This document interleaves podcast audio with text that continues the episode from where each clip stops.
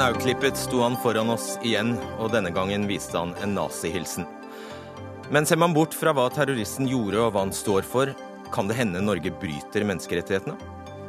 Regjeringen går imot råd fra egne fagfolk på integrering, sier nei til hurtigkartlegging av kompetansen til flyktningene, vil i stedet bruke ett år på å lage en app. Hvorfor er det alltid mannen som blir sett på som overgriper og kvinnen som offer når to voksne mennesker har frivillig samleie i beruset tilstand? Advokater ber menn kjenne etter om de føler seg krenket etter sex i fylla. Og jeg trodde nestekjærligheten i KrF strakte seg langt, men den gang ei. Den stopper ved partiets egne interesser, mener Venstre-representant. Usmakelig og respektløst, svarer KrF-nestleder.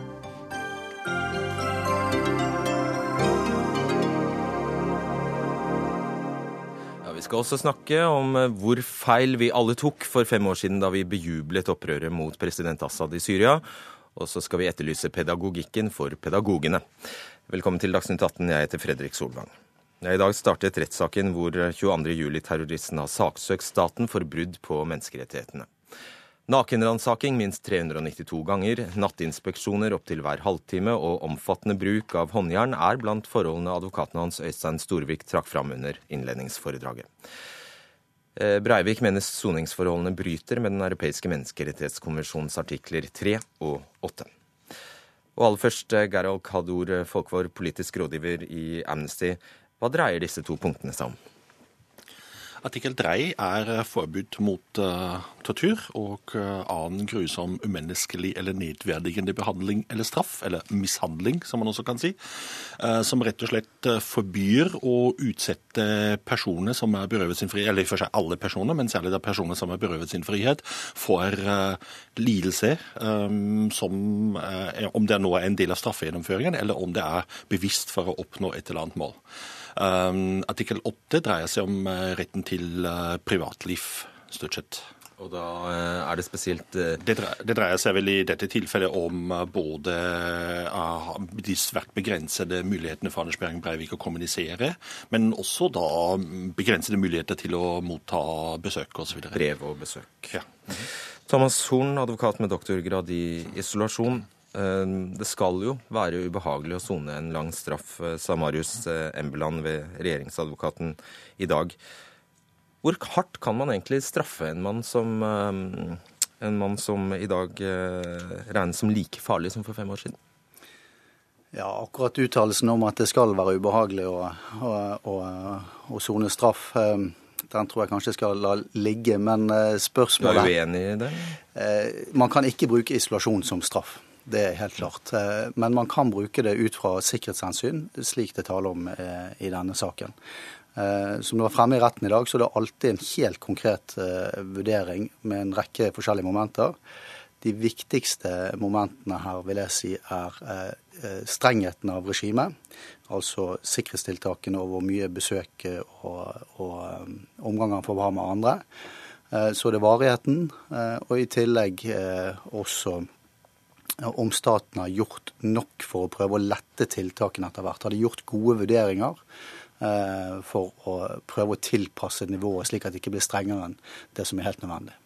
Og hvilken, Hva er det man skal gå etter da, når du sier at det ikke skal bli strengere, f.eks.?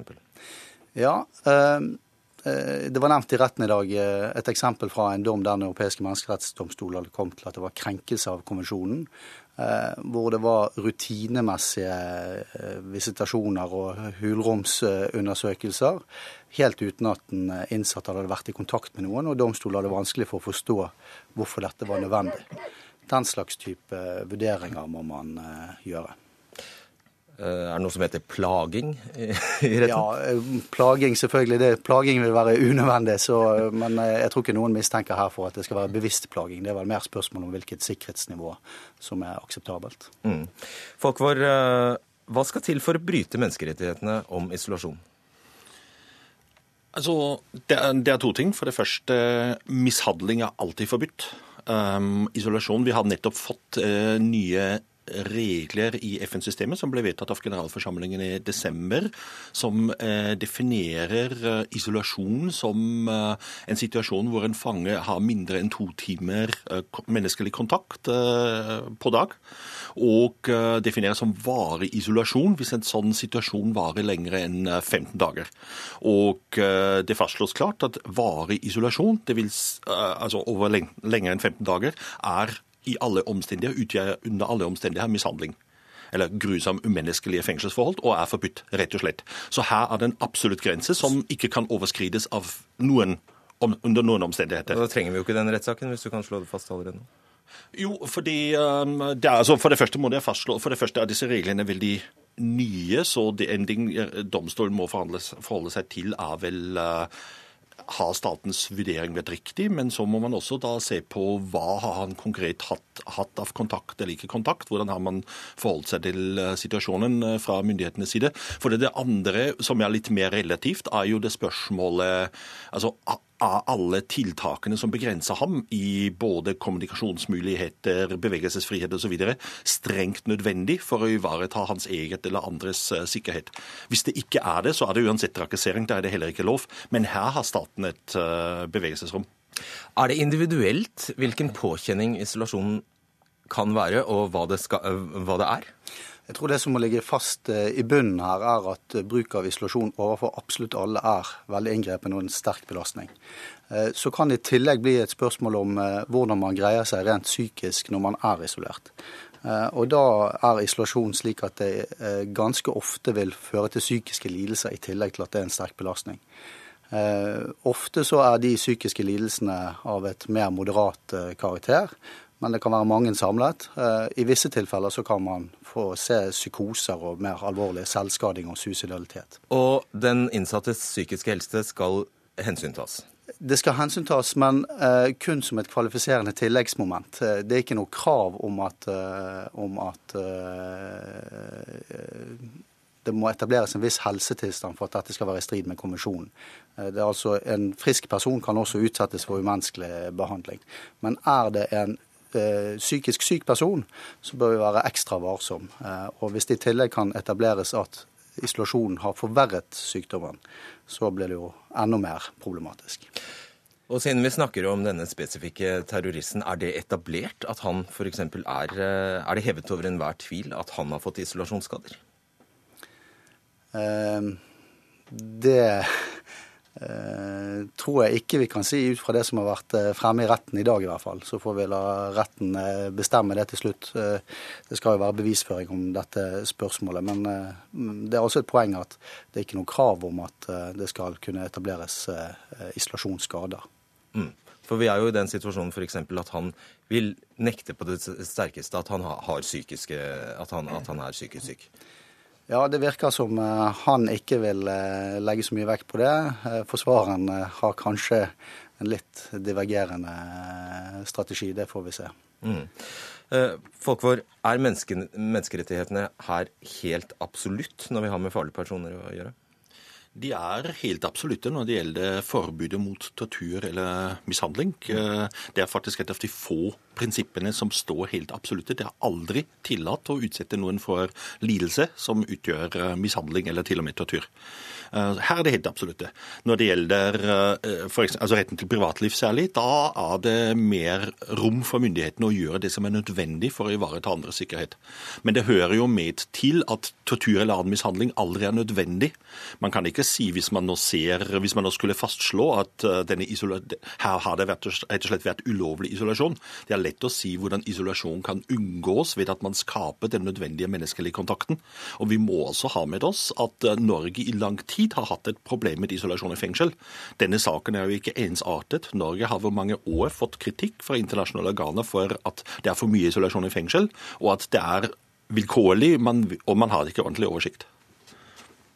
Ja, ehm, jeg tenker det er grunn til å presisere at når vi sier at, eh, at retten er absolutt, Eh, så det er sant. Den gjelder for absolutt alle. Men det at den er absolutt, eh, betyr også at terskelen er veldig høy. Det skal mye til for å krenke denne bestemmelsen. Eh, og så vil jeg slutte meg til det siste som ble sagt her. Dette isolasjonsspørsmålet er ikke bare et spørsmål om Breivik. Det er et generelt fenomen både innenfor fengsel og i andre deler av samfunnet som er viktig å ha et kritisk forhold til. Vi noterer oss det og sier tusen takk til dere, Gerhard Kador Folkvår og Thomas Solen. Dagsnytt 18 alle hverdager kl 18.00 på NRK P2 og NRK2.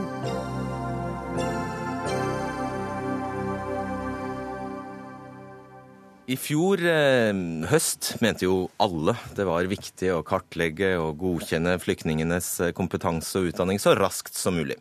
Og regjeringen fikk en rekke forslag til ordninger som kunne få flyktningene raskt ut i arbeid. Men nå et halvt år etter er løsningen klar. Det blir ingen dugnad. I stedet skal staten utvikle en app som blir ferdig i 2017. Og med den skal flyktningene selv rapportere det de har av arbeidserfaring, utdanning og språk. Start med deg, Ragnhild Lie. Du er leder i Unio. En app, det er da framoverlent? Ja, det kan høres litt framoverlent, men eh, det er særlig to eh, viktige ting med dette forslaget. For det første så skal denne appen være ferdig sommeren 2017. Det er altfor seint. Dette haster. Og for det andre så er det sånn at eh, kartlegging av kompetanse det krever vurdering og verifisering hvis det skal kunne brukes av utdanningssystemet eller av arbeidslivet. Så dette er ikke noe god løsning i denne sammenheng. For dette er snakk om selvrapportering. altså Dette er hva flyktningene selv vil oppgi at de har av kompetanse og utdanning og arbeidserfaring. Akkurat. og Det betyr at uh, dette må ettergås senere likevel. og Derfor så er dette her en forsinking. Vi er opptatt av rask kartlegging, for all del. Og vi har snakka om at det må skje allerede i mottak. Men det må altså være kompetanse som går inn og gjør dette. Bjørn Haugstad, statssekretær i Kunnskapsdepartementet for uh, Høyre. Det kan vel ikke være som Lid uh, sier her, at nå skal flyktningene sitte på mottak i hele 2016 og godt inn i 2017 og vente på en app før de får rapportert hva de kan? Nei, heldigvis er det ikke slik. Uh, vi har allerede satt i gang uh, mange tiltak. Et av tiltakene er at vi har opprettet studieplasser for såkalt kompletterende utdanning for de de f.eks. som har sykepleierkompetanse eller eh, lærerkompetanse, men som trenger et påfyll for å kunne eh, praktisere som sykepleier eller lærere. De pengene er på plass, slik at studieplassen Hvem har de gått til? De, de er Altså, det blir, det blir, altså Pengene er der, men eh, de blir eh, plassert på eh, universiteter og høyskoler som vil tilby det, f.eks. Høgskolen Oslo Akershus.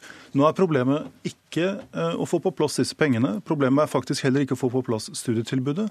Men for at flyktninger med relevant bakgrunnskunnskap skal kunne bruke dette, så må de jo kunne tilstrekkelig norsk og engelsk for å kunne følge undervisningen. Så det vi ser er at eh, de som, de som nå sitter på mottak, de vil sannsynligvis ikke kunne nyttiggjøre seg dette tilbudet før om en stund, fordi de først må lære seg norsk. Eh, så det er ikke sånn at eh, vi nå sitter alle sammen og venter på at det skal utvikles en app som for øvrig vil være klar i en såkalt beta-versjon allerede i september. Okay. Den ja, bare fullfør. Formålet med den, med den, appen er nettopp at uh, vi skal ta, gi flyktningene en mulighet til å drive en selvkartlegging av den kompetansen eh, de har, både språkkompetanse, tidligere yrkesbakgrunn, som et hjelpemiddel for å komme i, eh, i arbeid. Skjønner. Du vil raskt inn. Ja, altså, fordi eh, Det som er viktig nå, det er at det må kartlegges i dag på de som sitter i mottak i dag. Og NOKUT har tilbudt seg å gjøre denne kartlegginga. Og da skal vi fortelle lytterne og seerne hva NOKUT er. Det er altså Nasjonalt ja, organ for, for kvalitet, kvalitet, i utdanningen. Ja. Ja. Som gjør sånne eh, kartlegginger av alle som kommer til landet, og også av institusjonene her i landet. Ole Petter Ottersen, rektor ved Universitetet i Oslo. 2.10 eh, i fjor så tok dere initiativ til en akademisk dugnad for eh, flyktninger. Intet mindre. Denne dugnaden er nå avblåst. Nei, som det heter, eh, ryktene om dennes død er betydelig overdrevet. Eh, akademisk dugnad er er oppe og går fremdeles, heldigvis. Og det er eh, kjempeviktig, fordi at her må institusjonene, de høyere utdanningsinstitusjonene i Norge ta et ansvar, og det gjør de. Og eh, vi ser jo at dette arbeidet går eh, framover. Og for min egen institusjons vedkommende så skal vi nå opprette praksisplasser som vil ta imot flere flyktninger nå rett over påske. Så dette arbeidet går framover. Men vi har jo en del spørsmål rundt akkurat dette med denne appen. Ja, Som for eksempel? Ja, Vi eh, lurer jo også på eh, for det første da, om eh, det er meningen at dette skal erstatte andre ordninger for å kartlegge kompetanse. Vi er usikre på hvilken kvalitet dette vil gi oss, og vi er litt usikre rett og slett på om vi som utdanningsinstitusjoner kan benytte oss av den kartleggingen det nå er lagt opp til. Så vi sitter med en rekke spørsmål, og kanskje vi får avklart noen av dem her og nå. Vi får prøve på det. Spør, så skal du få svar. For eksempel, denne... helt konkret, da, hvis, hvis, en flyktning eh, skriver inn i denne appen en gang i 2017 at uh, ja, jeg har en jeg har en mastergrad innen sånn og sånn. det er det jeg har av formell, formell utdanning. Hvordan skal Ottersen kunne nyttiggjøre seg det uten at det ligger noen CV ved, eller uten at noen har undersøkt det? Vel, Hvis uh, vedkommende sier at han, han, eller hun har en mastergrad, så vil det sannsynligvis være uh, Da vil det sannsynligvis oppfatte seg som klare for et møte med en potensiell arbeidsgiver. For å argumentere for at med min bakgrunn, så Men noen altså, må jo godkjenne denne utdanningen? Du kan ikke bare ta det for god fisk? Hvis du, dine, hvis du, har med deg dine, papirer fra utlandet på at du har en, på at du har en mastergrad, så kan du søke med de i norsk arbeidsmarked. Sånn, altså, sånn fungerer det jo per i dag. Vi er veldig opptatt av at vi ikke nå skal innføre en ny byråkratisering som gjør at alle må innom enten denne appen. Eh, det er ikke meningen at alle skal innom den appen. Eh, det er heller ikke meningen at universitetene eller høyskolene trenger å liksom logge seg på denne appen hver dag for å se eh, hva som kommer av ny kompetanse. Vi skal fortsatt bruke NOKUT, og vi styrker kapasiteten til NOKUT for å godkjenne høyere utdanning for å eh, utvikle kapasitet, kompetanse til å godkjenne såkalt eh, fagskoleutdanning eller fagutdanning fra altså yrkesfaglig fagutdanning. Alt dette styrkes for at det skal bli lettere for immigranter, flyktninger, å få anerkjennelse for den kompetansen de har med seg, og kunne benytte den videre, enten i videre utdanning eller rett og slett å komme seg ut i arbeidsmarkedet okay. så fort som mulig. Ragnhild. Ja, og det er akkurat eh, poenget. Skal en få til en god og vellykka integrering, så er det viktig at de som sitter i mottak, kommer raskt inn i et utdanningsløp eller inn i et yrkesløp. Eh, derfor er det viktig nå Det jeg skulle ønske, det var at departementet kunne sette inn støtet og gi NOKUT go for å komme inn i samarbeid med Nav, som må koordinere dette, for å komme inn i mottakene og starte kartlegginga så fort som mulig. Og ikke bruke masse energi på å utvikle eh, eller ressurser da, på å utvikle dette verktøyet. Det kan kanskje være et verktøy som kan gjøre en grov kartlegging, men det er ikke der en kan gjøre den vurderinga som er nødvendig for å kunne finne den, de gode plassene til disse flyktningene. Ja, det er jo slik at Dere går altså imot fagfolkene i deres eget, eh, altså i Integrerings- og mangfoldsdirektoratet, som mente for det første at det ble bevilget veldig lite penger til dette, bare fem millioner kroner. Men innenfor den rammen skriver de at eh, de mener at man da bør prioritere flyktninger med medbrakt formell kompetanse, altså de med bekreftet videregående skole eller høyere utdanning. I stedet så lager dere altså denne appen. Hvorfor hører dere ikke på eh, fagfolkene? Vi hører på fagfolkene, vi følger råd fra fagfolkene. Vi, eh, Nei, styrker, vi styrker eh, NOKUTs kapasitet. NOKUT kommer til å få mer enn nok å gjøre. IMDi, vil, IMDi er ikke enig i denne appen? IMDi, IMDi, har ikke gitt råd til oss, for IMDi er ikke vårt fagorgan. så det må nesten andre svare på. Men vi, denne appen er det noe som heter Vox, altså det kompetansesenteret Kunnskapsdepartementet har, som er veldig god på å kartlegge realkompetanse. Og det er noe av utfordringen vi, eh, vi, har, vi har, her. Som aldri befatter seg med høyere utdanning? Mm, og andre befatter seg med høyere utdanning, ja. Vox befatter seg ikke med høyere utdanning? Vox befatter seg ikke med høyere utdanning. Det er det NOKUT som gjør. Og det NOKUT gjør, det er å uh, gi såkalt generell godkjenning for medbrakt uh, høyere utdanning. Og den kapasiteten øker vi. Og vi har, legger nå så mye press på og ressurser til NOKUT at de kommer til å måtte jobbe hardt i 2016 og 2017 for i hele tatt holde tritt med de oppgavene vi gir dem, for å ta unna for den veksten vi har i flyktninger. Ok, Ottersen, Tror du at du får bruk for denne appen i det hele tatt? Jeg må jo si at foreløpig så er det nok eh, tvilsomt. Vi vet ikke i hvilken grad vi kan benytte oss av den informasjonen som denne appen vil gi, men det kan hende at vi blir positivt overrasket. Men jeg støtter jo Lied i at dette er jo et veldig langsiktig prosjekt. Vi må prøve å få dette på plass eh, raskere. Eh, jeg vil jo si det at det er flott at departementet gir ekstra ressurser til NOKUT. NOKUT er helt avgjørende her. Og så er det da slik at vi også håper at departementet lytter til Universitets- og høgskolerådet, som da også har en veldig, veldig stor del i eh, ansvaret for å få flyktningene på plass i et utdanningsløp så fort som mulig. Så dugnaden er på plass. Ok, skjønner det. Og helt til slutt, Lid. Eh, I ytterste konsekvens her så har jeg forstått sånn at du frykter at de nå skal bli sittende på mottak og ikke få brukt kompetansen sin. Er det, er det sånn? Altså, Vi er opptatt av at vi i alle fall ikke må sitte og vente på den appen. Her må en komme inn i mottak og begynne kartlegginga. Det er det vi etterlyser nå. Og institusjonene mange plasser er klare til å ta imot dem. Ok, Vi får håpe noen av dem skjønner norsk. Ikke vent på appen. Takk skal dere ha. Bjørn Haugstad, Ragnhild Lid og Ole Petter Ottersen.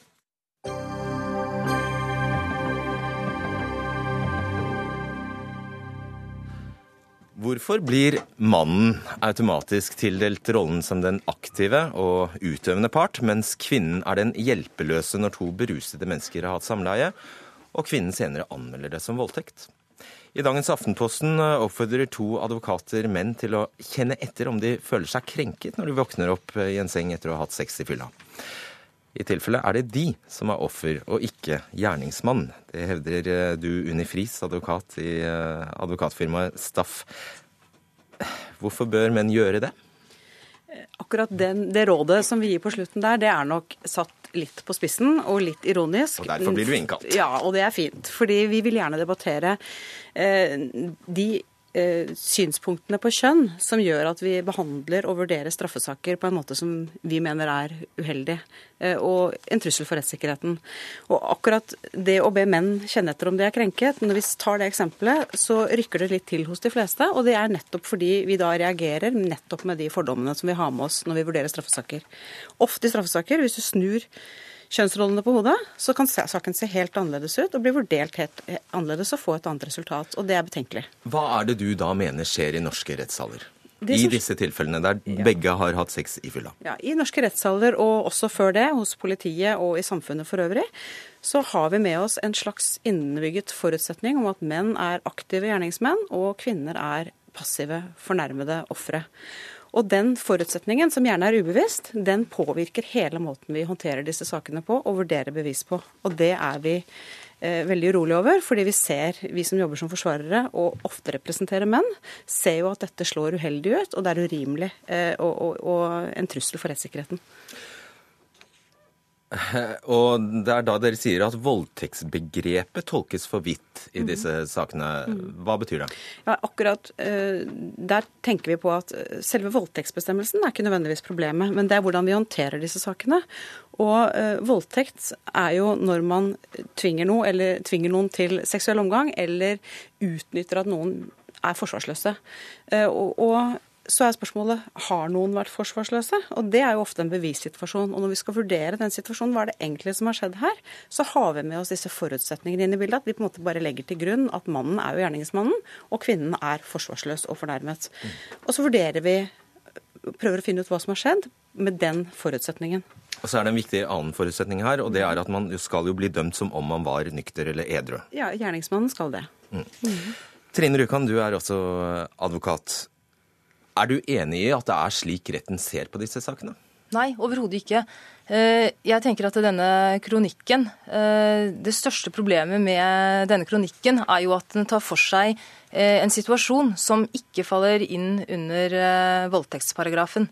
Det er en situasjon som de jo helt riktig påpeker at, eh, at, eh, at, ikke er en del av eh, straffe, strafferetten. Men er det jo uhorvelig mange menn som er, er, dømt etter slike situasjoner? er? Problemstillingen blir tatt opp på helt feil premisser, slik jeg ser det. Eh, og folk som leser dette, vil jo få et helt feilaktig inntrykk av hva som skjer i norske rettssaler, og hvilke voldtektssaker som kommer dit. Eh, den situasjonen som er beskrevet i kronikken, eh, er ikke en situasjon hvor det blir tatt ut tiltale og som ender i domstolsapparatet. Jeg har til gode å se en slik sak være i retten. Jeg har også, jeg har også erfaring med at det er en veldig høy terskel hos påtalemyndigheten, hos statsadvokaten, for å ta ut tiltale i voldtektssaker, og også i den type saker som man eh, forsøker å snakke om her. Ok, Fridikning? Ja, nei, nei jeg, jeg, er ikke enig i det synspunktet. Jeg som forsvarer har den erfaringen at det blir tatt ut tiltaler i saker hvor det er ganske mye tvil om hva som egentlig har skjedd. Det er jo stort sett bare to personer til stede. Og de kan ha mots, motstridende forklaringer om hva som har skjedd. Og da blir veldig ofte kvinnens forklaring lagt til grunn på et på et grunnlag som jeg ikke kan forstå på noen annen måte enn at det er en, en, en kjønnsrolleforutsetning som går inn i hvordan vi vurderer det. Og en annen ting er at eh, om det ikke blir tatt ut tiltale, så kan det gjøres ganske mye skade for en mann som blir anmeldt for voldtekt og blir pågrepet. Det blir ransaket hjemme hos han. Han må leve med den belastningen over ganske lang tid før det eventuelt blir henlagt. Og da er ganske mye av skaden ofte skjedd. Og det er jo også et ganske stort rettssikkerhetsproblem. Hva slags saker mener du kommer for retten, da? Den type saker som kommer for retten, det er for det første så er det dessverre en forsvinnende liten andel av de eh, antall anmeldelser som blir gitt inn til politiet hvert år i voldtektssaker. Det er, eh, det er eh, Jeg vet ikke, jeg fant noen tall her. Aftenposten hadde hentet inn tall i fjor hvor det var altså eh, I 2011 og 2012 så er det kun 5 eh, av anmeldte voldtekter som har endt i fellende voldtektsdom. Så det er svært få voldtektssaker som kommer så langt som til domstolen. Og når de først kommer dit, så er det ikke den type saker som er beskrevet i kronikken eh, i dag. Det er det ikke. Overhodet. Jeg, jeg vil også si at jeg har hatt svært mange saker som dreier seg om fornærmede eh, som er beruset, eh, som inngir anmeldelse, som har vært på overgrepsmottaket, kanskje sikre tekniske beviser der, og også hvor det er vitner som støtter opp under hennes forklaring, men som likevel blir henlagt til syvende og sist. Men, men eh, det, det, er jo mer hovedregelen enn en unntaket. Men hvis vi ser på hvordan menn blir behandlet hvis de anmelder voldtekt, så er det jo ofte sånn at hvis en mann uh, antyder at han har blitt utsatt for et overgrep fra en kvinne, så blir han møtt med reaksjoner som eh, det må du ta som et kompliment, eller andre tullereaksjoner, fordi man på en måte regner med at for menn så er det alltid OK å ha sex med en kvinne. Uh, det er ikke mer enn ca. et års tid siden i Bergen en 15 år gammel gutt utsatt for overfallsvoldtekt. Ringte politiet gjentatte ganger uten å bli tatt alvorlig. Ble ikke tatt alvorlig før han kom sammen med faren sin dagen etter. Det er den måten menn blir møtt på i dette systemet, som også sier noe om kjønnsrolleforventningene våre. Overfallsvoldtekt begått av kvinner? Begått av en annen mann, men det var altså en gutt som var fornærmet. Og da blir han møtt på en måte som tyder på at man regner ikke med at en mann kan være fornærmet. Og det er liksom bare et eksempel i denne kjønnsrolleproblematikken som vi er opptatt av å adressere. Da. Og det er det som er vår agenda, er at vi ber om en økt bevissthet i forhold til hvordan vi har med oss kjønnsrolleforventninger når vi vurderer straffesaker. Rukan, benekter du at kvinner lettere blir trodd i disse sakene enn menn? Altså, jeg har ingen erfaring slik som hun eh, beskriver det. Eh, men jeg kan eh, være enig i at det nok er større tabu for menn å anmelde seksuelle overgrep og voldtekt. Det, det, tror jeg vi kan legge til grunn. Eh, men det har ingenting i denne debatten å gjøre. fordi den eh, kronikken og temaet der, det er jo Det som er beskrevet der, er jo faktisk eh, seksuell eh, omgang mellom to voksne personer i, i fylla, eh, hvor de begge to er aktive og deltakende og, og våkne og opplagte. Og det, det er en, en sak som ikke havner i retten, slik jeg kjenner det. Ja, Det er ikke min erfaring, eh, dessverre. Og eh, Av og til så har man jo også de situasjonene hvor to personer våkner opp. De forstår at de har hatt sex med hverandre, og ingen av dem husker noen ting. Men hun syns det er ubehagelig. Hvis hun da anmelder det, så vil det etter min erfaring føre til eh, tvangsmiddelbruk mot han i form av eventuelt en pågripelse, ransaking, sikring av mobiltelefon og at den anmeldelsen blir behandlet som den kanskje bør bli. Men da er det så utrolig viktig at når man gjør det, så må man være bevisst på at man ikke bare legger til grunn at han er gjerningsmann fordi han er mann. Mm. Nei, altså, Som sagt så, så, ser jeg det sånn at uh, den beskrivelsen som er gitt av et hendelsesforløp her i denne kronikken, ikke har noe som helst i en straffesak å gjøre. Og det er jo også de uh, og Vi kan jo være skjønt enig i da, det som innledningsvis sies i kronikken. At dere påpeker jo selv at vi snakker heller ikke om voldtekt hvor offeret rent faktisk er ute av stand til å motsette seg seksuell omgang, eller hvor det da skjer under makt eller vold. Eh, så man har allerede der definert seg ut av eh, en straffesak. Jeg, bare, jeg skjønner det. Bare, bare raskt tilbake til dette med promille. Altså, eh, Der hevder jo Friis og hennes kollega at eh, den samme promillen, eh, som kan da være offerets bevis for at hun var hjelpeløs, brukes mot gjerningsmannen og svekker hans troverdighet. Kan du skjønne at det oppleves Eller er, er du ikke med på det heller? Eller kan du skjønne at det Nei. oppleves urettferdig? Nei, overhodet ikke. fordi at Det er jo et alminnelig prinsipp i strafferetten at man skal bedømmes som om man var edru. Ja, ja. Og Sånn er det også i voldtektssaker, og sånn må det være.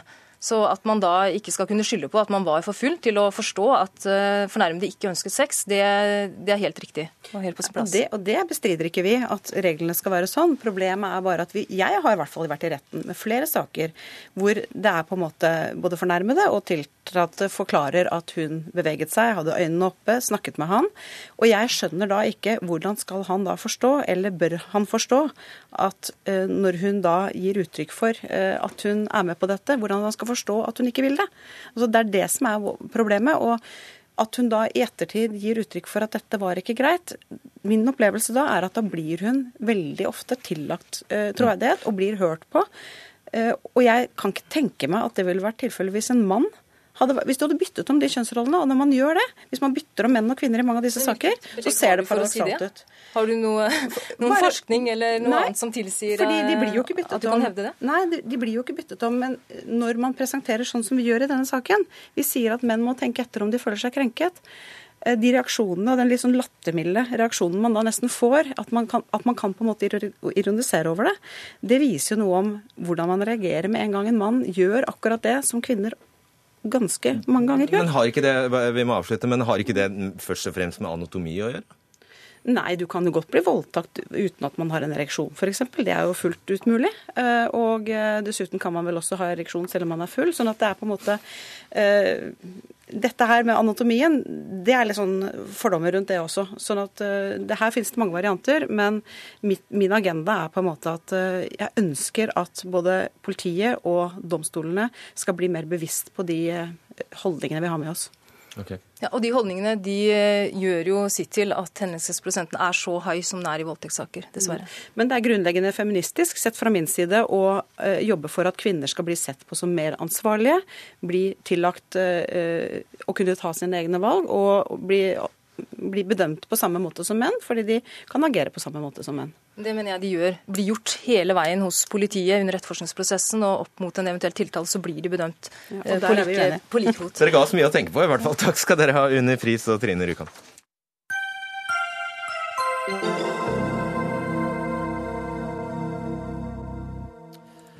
I dag er det fem år siden eh, protestene mot Syrias president Bashar al-Assad begynte i hovedstaden Damaskus.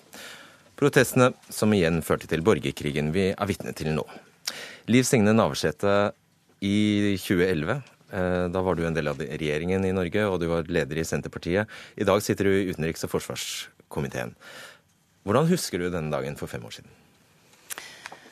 Jeg husker eh, at ingen av oss, tror jeg, er verken i regjering eller i Stortinget eller de som eh, følger nøye med uh, utenfor det politiske miljøet, eh, var i hele tatt klar over eh, hva, som, eh, hvor alvorlig det var det som skjedde, og hva det kom til å føre til. Det, det tror jeg ikke noen eh, foreså eh, da. Eh, Det var uro eh, kring det som skjedde i Syria. Eh, Senterpartiet hadde jo tidligere, når, vi diskuterte invasjonen i Irak, uttrykt veldig sterk uro for at hele regionen kunne bli destabilisert.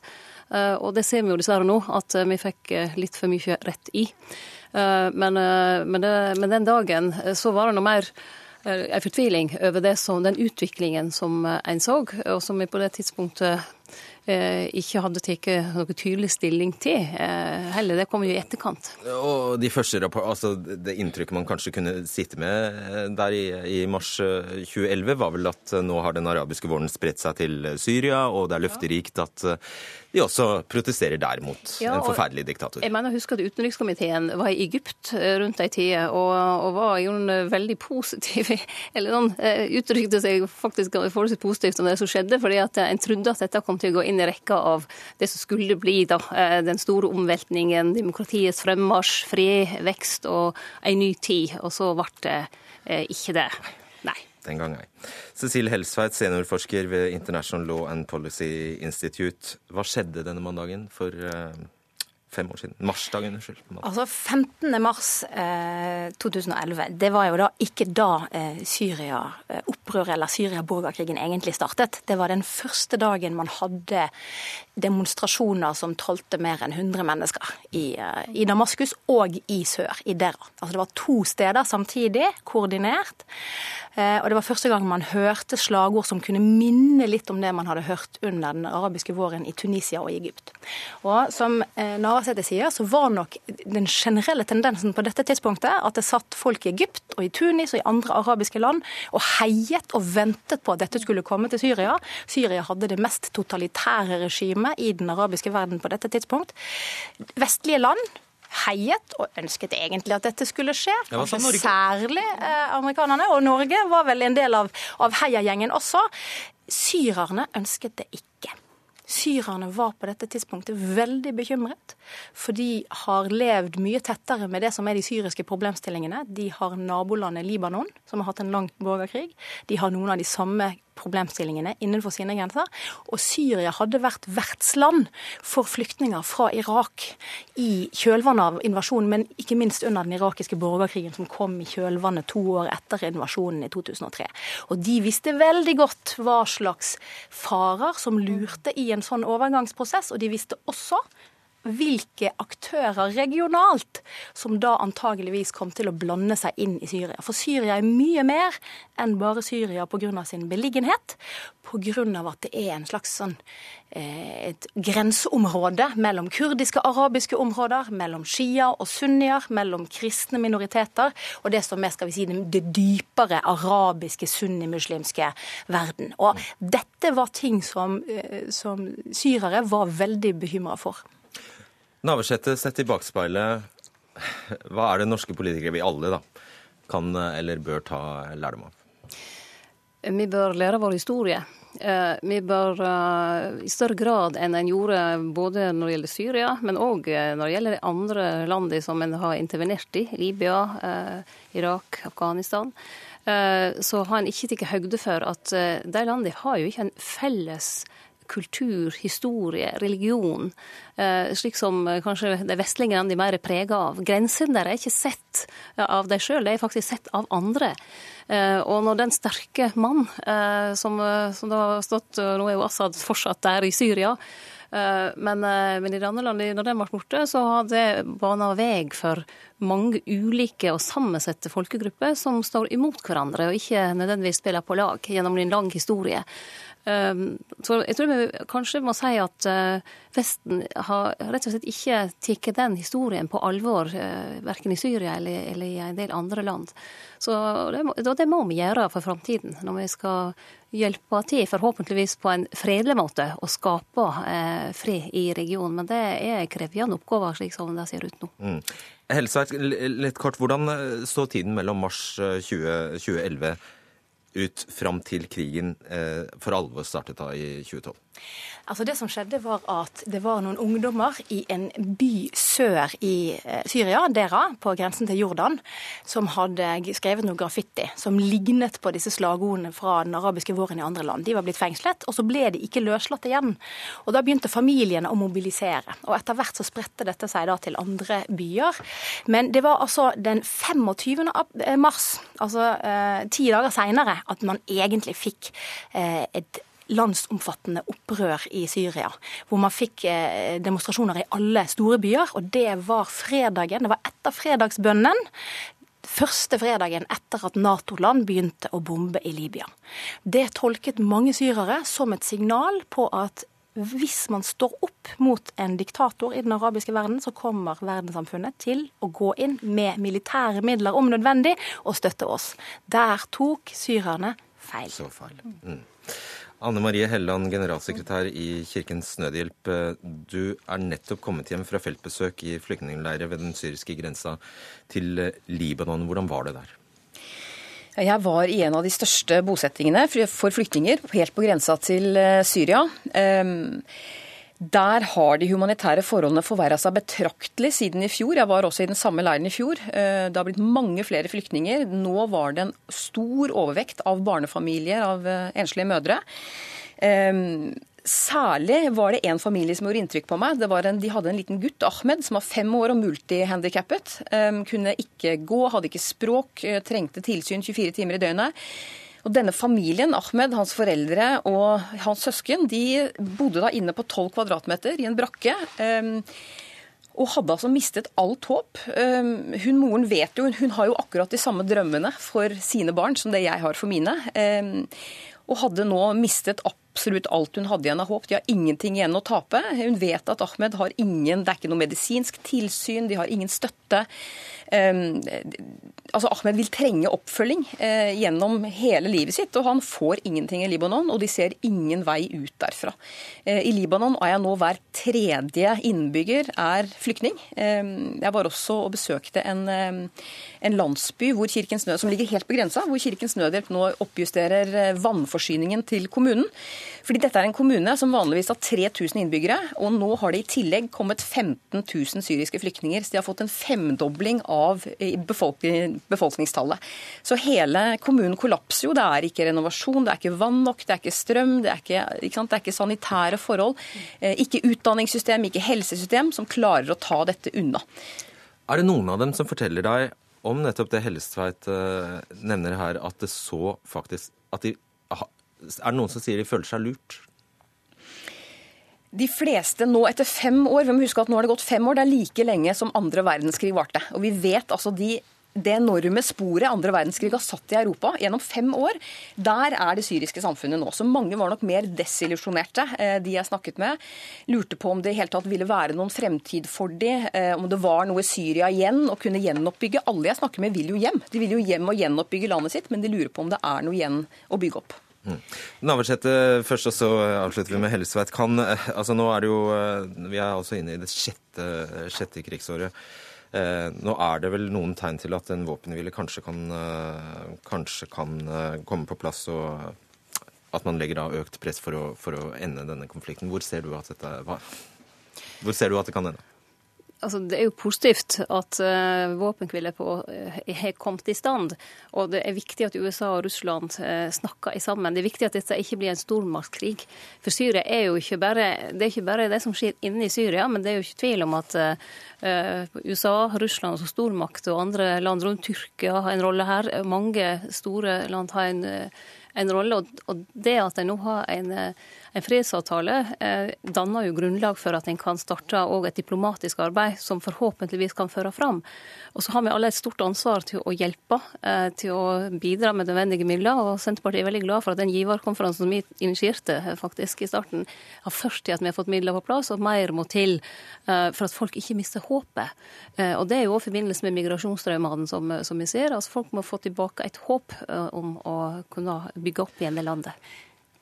Ja, eh, altså eh, det har nok ikke vært krig i Syria i fem år. Det har vært krig i Syria i tre og et halvt år. Det har vært en full borgerkrig i Syria i to og et halvt år, i realiteten fra august-september 2013, da alle skjønte både at den arabiske våren var død, ingen reagerte på at Mursi ble fjernet og brorskaps eh, ble massakrert, og ingen kom for å redde syrerne da det ble brukt kjemiske våpen i hovedstaden.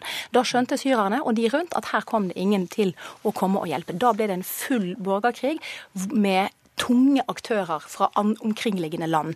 Det som nå foregår i Genéve, er forsøket fra både amerikanerne og russerne og europeerne i fellesskap å få alle brikkene på plass, slik at alle de ulike regionale landene og aktørene i Syria kan bringe dette inn i et nytt spor. Hvis det ikke skjer, så risikerer vi at Syriakrigen går fra vondt til enda verre enn det vi ser i dag.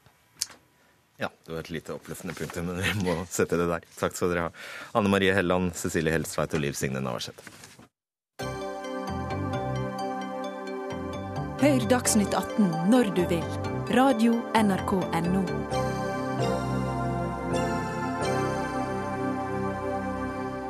Regjeringen vil ha mindre av faget som heter pedagogikk i lærerutdanningen, kan vi lese i Klassekampen. Selv om det kan bli færre studiepoeng i pedagogikk, mener regjeringen likevel at den pedagogiske kompetansen vil øke i lærerutdanningen. Starter med deg, Steffen Handal, leder i Utdanningsforbundet, mener altså at dette er uforsvarlige kutt regjeringen går inn for i pedagogikkfaget. Det må du begrunne. Nei, altså, Først så må jeg starte med å berømme regjeringen da, for at de virkelig går for en femårig masterutdanning eh, for grunnskolelærere. Det er et veldig viktig skritt. Det er et ønsket skritt. Det er noe som Utdanningsforbundet har kjempet for i mange år. og Det vil bety at vi bygger lærere for fremtiden som har den nødvendige kompetansen.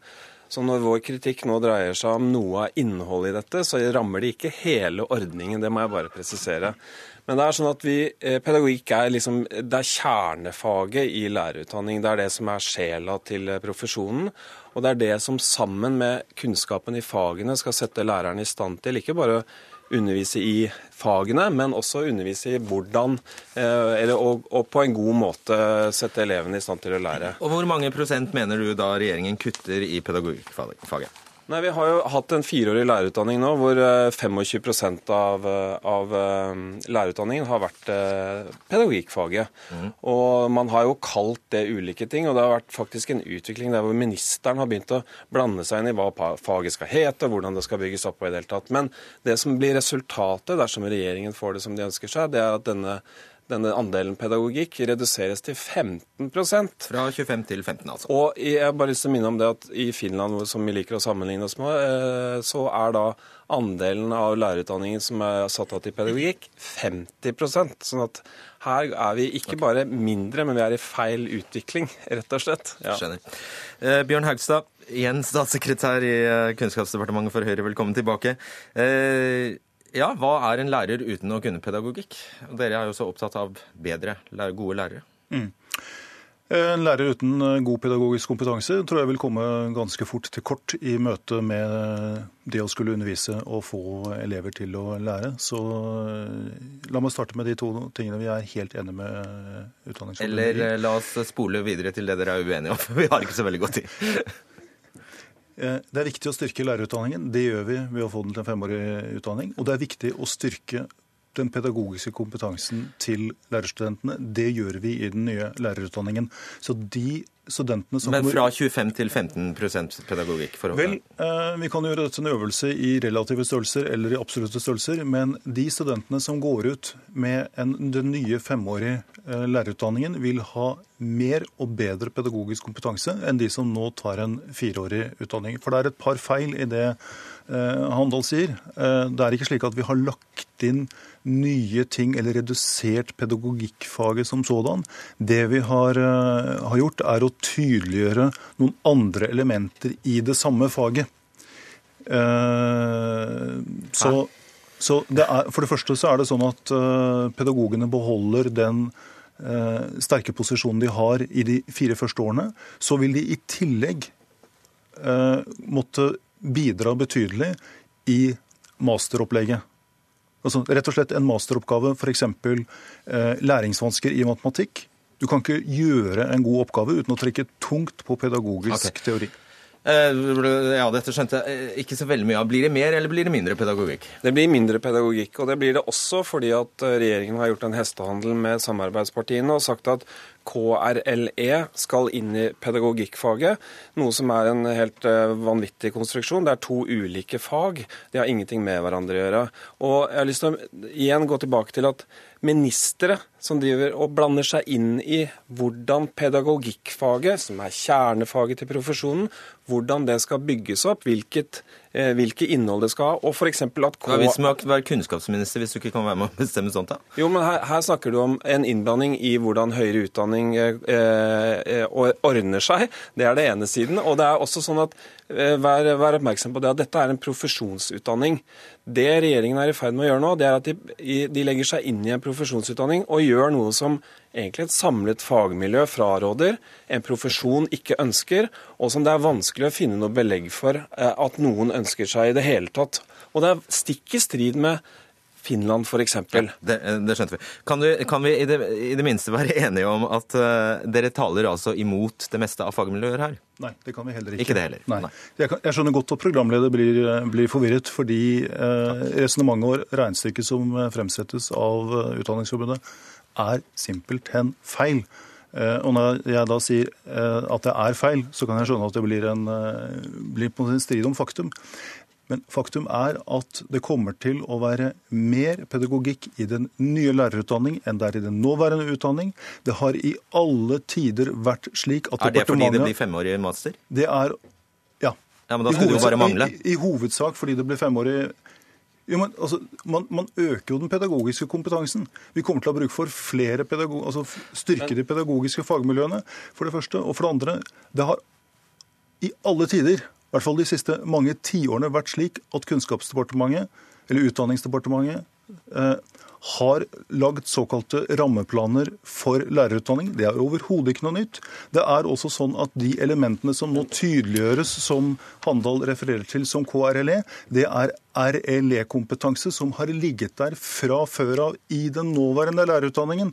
Så jeg, også litt altså jeg er også forvirret programleder. men, men, men, hør nå. hør nå. De, de vil, for det første så vil ikke Haugstad kalle det lenger pedagogikkfaget.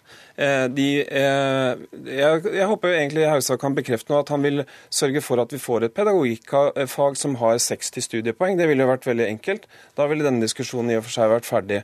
Men det, det skjer andre ting her også. og det er at man, man gjør faktisk, man gjør det ikke mulig for de nye lærerstudentene å ta master i pedagogikk engang. Man, vil, eh, man vil liksom skjerpe inn, og man skal bare kunne ta en master innenfor de skole, skolefagene, ikke for skolerelevante fag. Okay, det vil si at, vil si at en, en, lærerstudent ikke kan skrive en masteroppgave om f.eks. klasseledelse eller f.eks. mobbeproblematikk, som jo er en etterspurt kompetanse hos, uh, hos myndighetene også. Så jeg, dette henger liksom ikke helt sammen enda et poeng. Som igjen er eh, litt for kjært. Eh, det vil være, som jeg sa tidligere i debatten, betydelig rom for å trekke tungt på pedagogikk i, og helt nødvendig å trekke tungt på pedagogikk i eh, veldig mange av mastergradsoppgavene. Kan vi få 60 studiepoeng i pedagogikk? Dere får det samme som dere har nå. Pluss at dere får eh, behov for, eh, for, for, pedagogikk okay. inn eh. i masterutdanningen. Så det blir mer til alle. Jeg ber fortsette, fortsette den noe forvirrende debatten i Klassekampen, f.eks. Takk skal dere ha.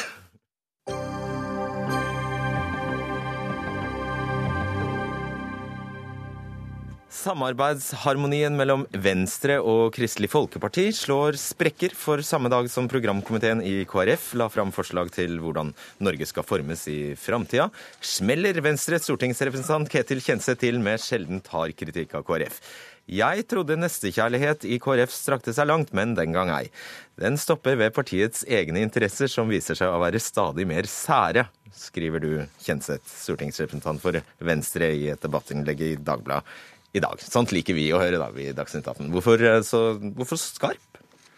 Eh, fordi at vi står overfor store utfordringer innenfor helsesektoren. Hvis vi ser framover mot 2030, så må vi igjennom en god del omstillinger. Vi skal utdanne mange uh, ungdommer til helsesektoren. Uh, fram mot 2030 må hver tredje 18-åring velge helsefag for hvis, hvis, vi skal opprettholde standarden. Okay, så det er sykehusreformen primært du snakker om? Sykehusreform, det er kommunereform også. Ja. Uh, vi står overfor noen tøffe beslutninger knytta til særlig kommunene for å få det her til å gå i hop.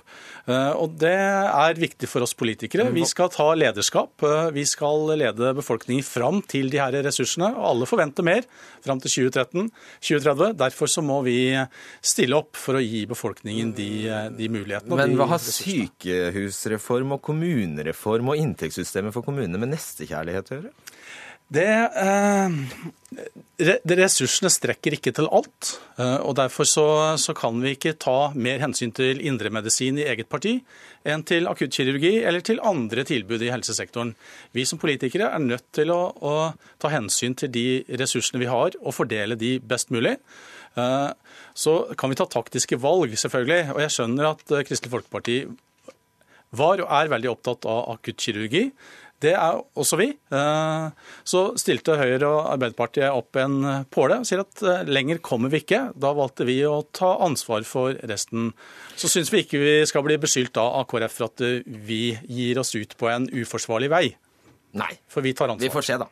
Olaug Bollestad, stortingsrepresentant og nestleder i KrF. Ja, dere blir beskyldt i Dagbladet for å være kosmetisk folkeparti av Kjenseth.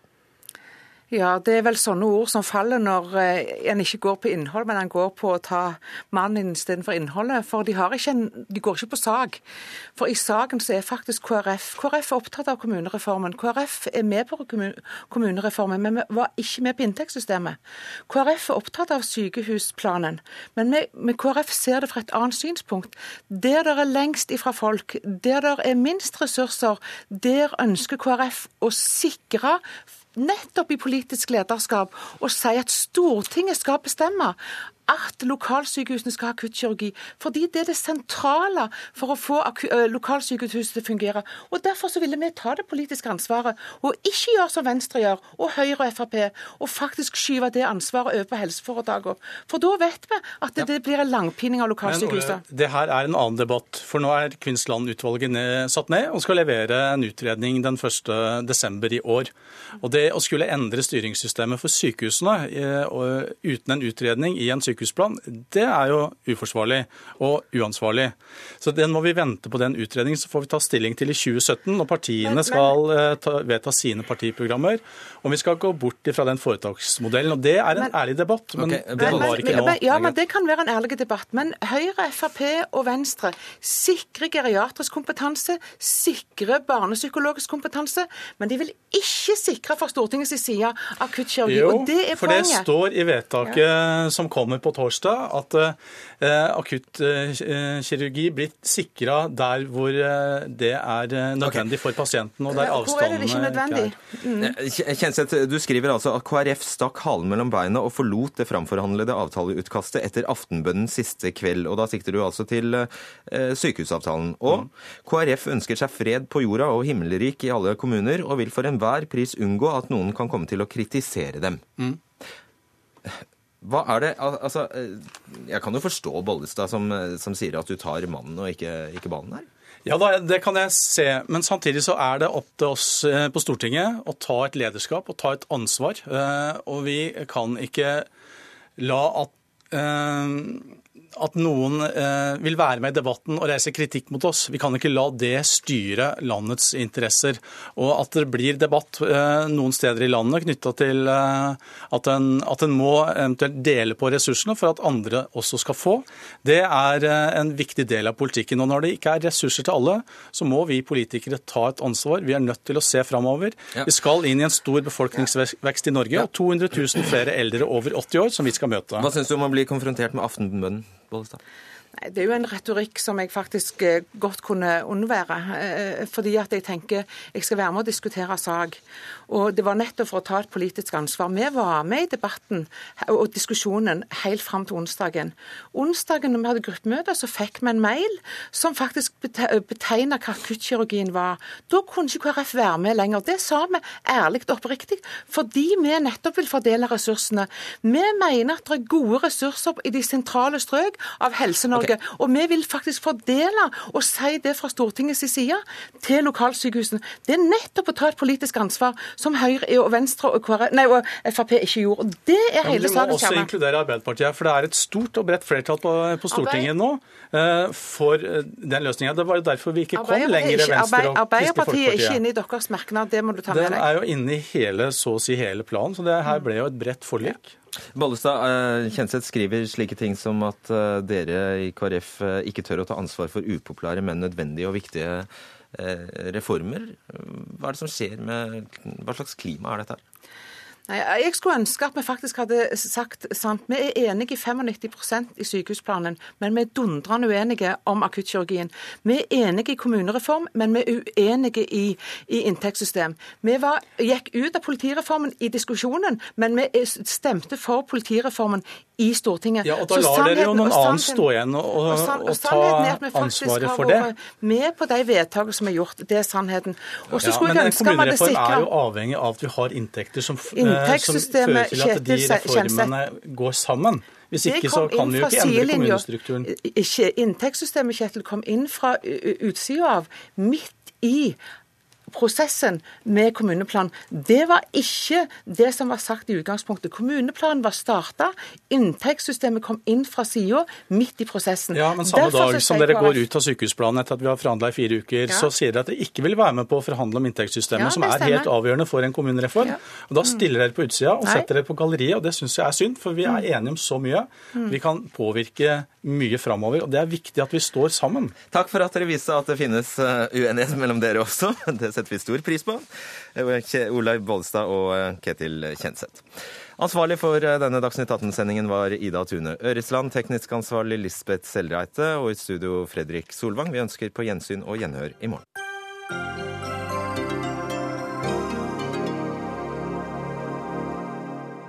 Hør flere podkaster på nrk.no podkast.